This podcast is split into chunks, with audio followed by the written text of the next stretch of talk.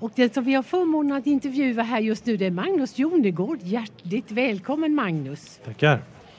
Du, jag vet att du har en lång erfarenhet av ledarskap, både inom näringslivet, 30 år, och pastor i församlingstjänst och församlingskonsult. Eh, och 25 olika församlingar har du mött vet jag. Men berätta lite om dig själv för övrigt. Ja, eh, de första 30 åren kanske man inte är så intresserad av här då eftersom det har med näringslivet att göra och eh, konsultverksamhet där. Men eh, sen så småningom kände, eh, upplevde jag en kallelse att bli pastor och blev så, utbildade mig först och kom igång som pastor 2004 var det, första församlingen. och det var Hässleholm. I nio år blev det där. Eh, sen efter det så har det varit kortare perioder i olika, eh, mycket vakansföreståndare, konsultuppdrag och det var även konsultuppdrag under tiden i Hässleholm.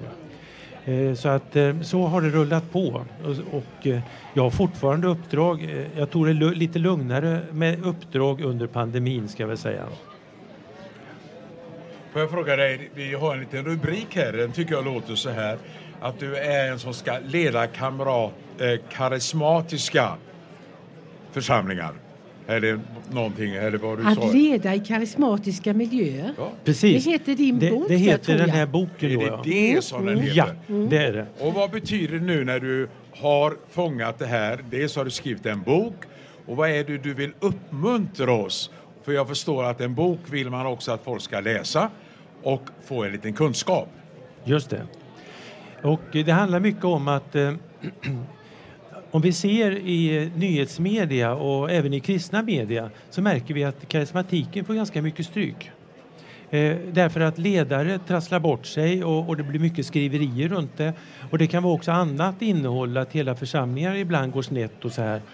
Eh, och då känns det som att ja, men då ska vi väl inte ha någon karismatiska yttringar i våra församlingar för då blir det ju lugnt. Eh, men i boken så vill jag lyfta upp att det här är viktigt.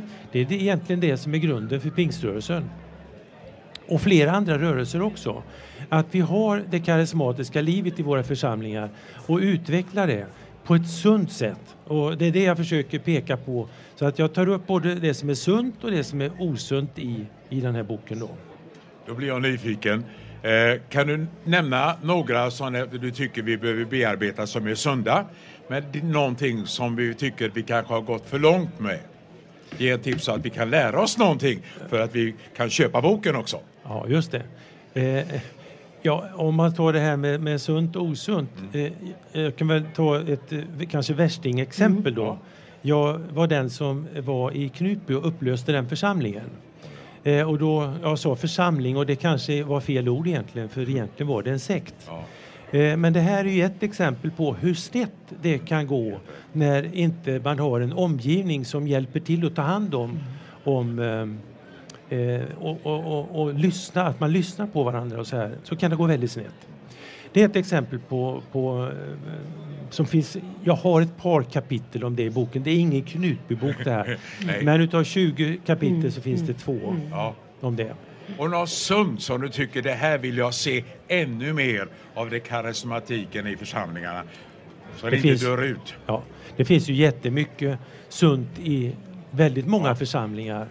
Eh, och det, att, ja, att, inte det profetiska ordet slocknar utan att det får leva vidare eh, på olika sunda sätt. Det kan vara i tilltal så här mellan människor, det kan vara i en gudstjänst framifrån, det kan vara på många olika sätt. Eh, men att vi uppmuntrar till det och inte kväser det och att inte vi har ett så strikt program så det inte får plats.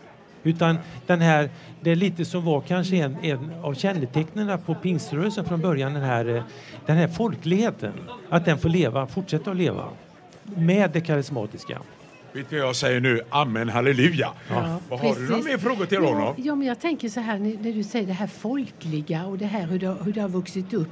Hur det har smugit sig in kanske det här någonting med, med maktmänniskor. Mm. Och det, hur ser du på det? Ja, det har jag ett kapitel mm. om. Om ja. maktmänniskor och, och härskartekniker. Eh, så det finns med här. Eh, och, och, det är väldigt farligt i våra församlingar. Och och en maktmänniska, man räknar med att en procent ungefär av alla människor eh, är maktmänniskor. Eh, och eh, då kan vi räkna, om du är, är med i en församling på 400 så kanske det finns fyra potentiella maktmänniskor då.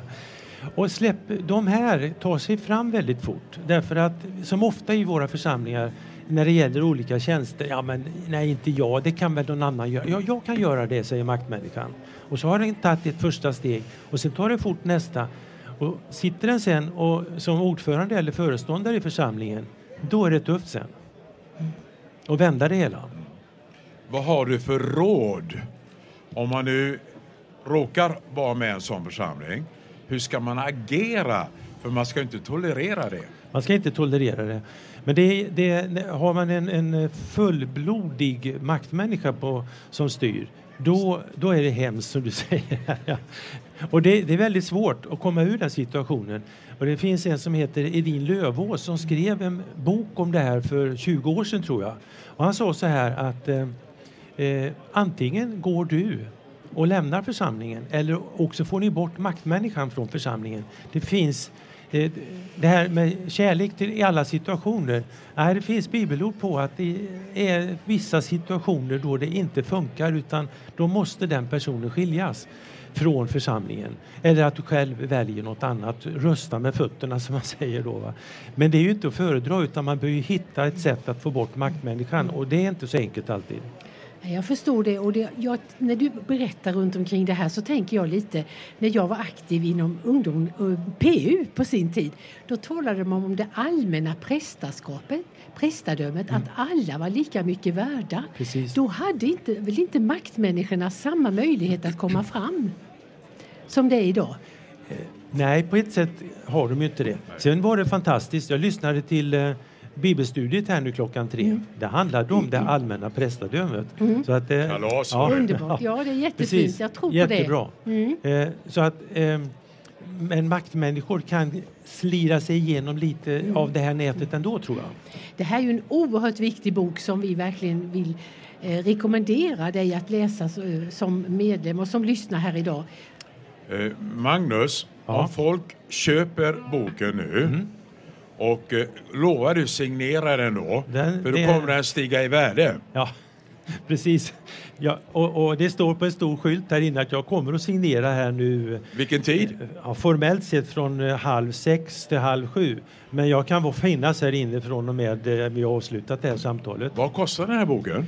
Där inne tror jag de tog 229 tror jag det stod. Men om man köper honom så kostar den bara 228? Nej, jag kan Nej. inte alltså... sälja här utan det är de som säljer här. Nej, ja. Nej, jag vet det. Ja. Men ni, eh, ni förstår, jag är från Göteborg, vi gillar att ha lite humor. Ja. Men ni vet, glöm inte, det är många tips som vi behöver i den tid vi lever i. Mm. Vi vill leva i en väckelseförsamling, vi vill ha det karismatiska, men vill ha det som du rekommenderar här. Får jag säga en sak? Ja, fortsätt du. Ja. Eh, och det är, eh, TBN finns på andra sidan den här väggen. Mm. De har spelat in tio program med mig på den här boken. Så det finns som studiematerial också. Man kan lyssna till det samtidigt och köra som studiecirkel om man vill. Så fantastiskt. Då går man in på tbn.se så kan man se vidare om detta. Mycket Precis. bra. Tack Magnus för att vi fick eh, låna dig en liten stund här innan boksigneringen. Tack så mycket. Tack.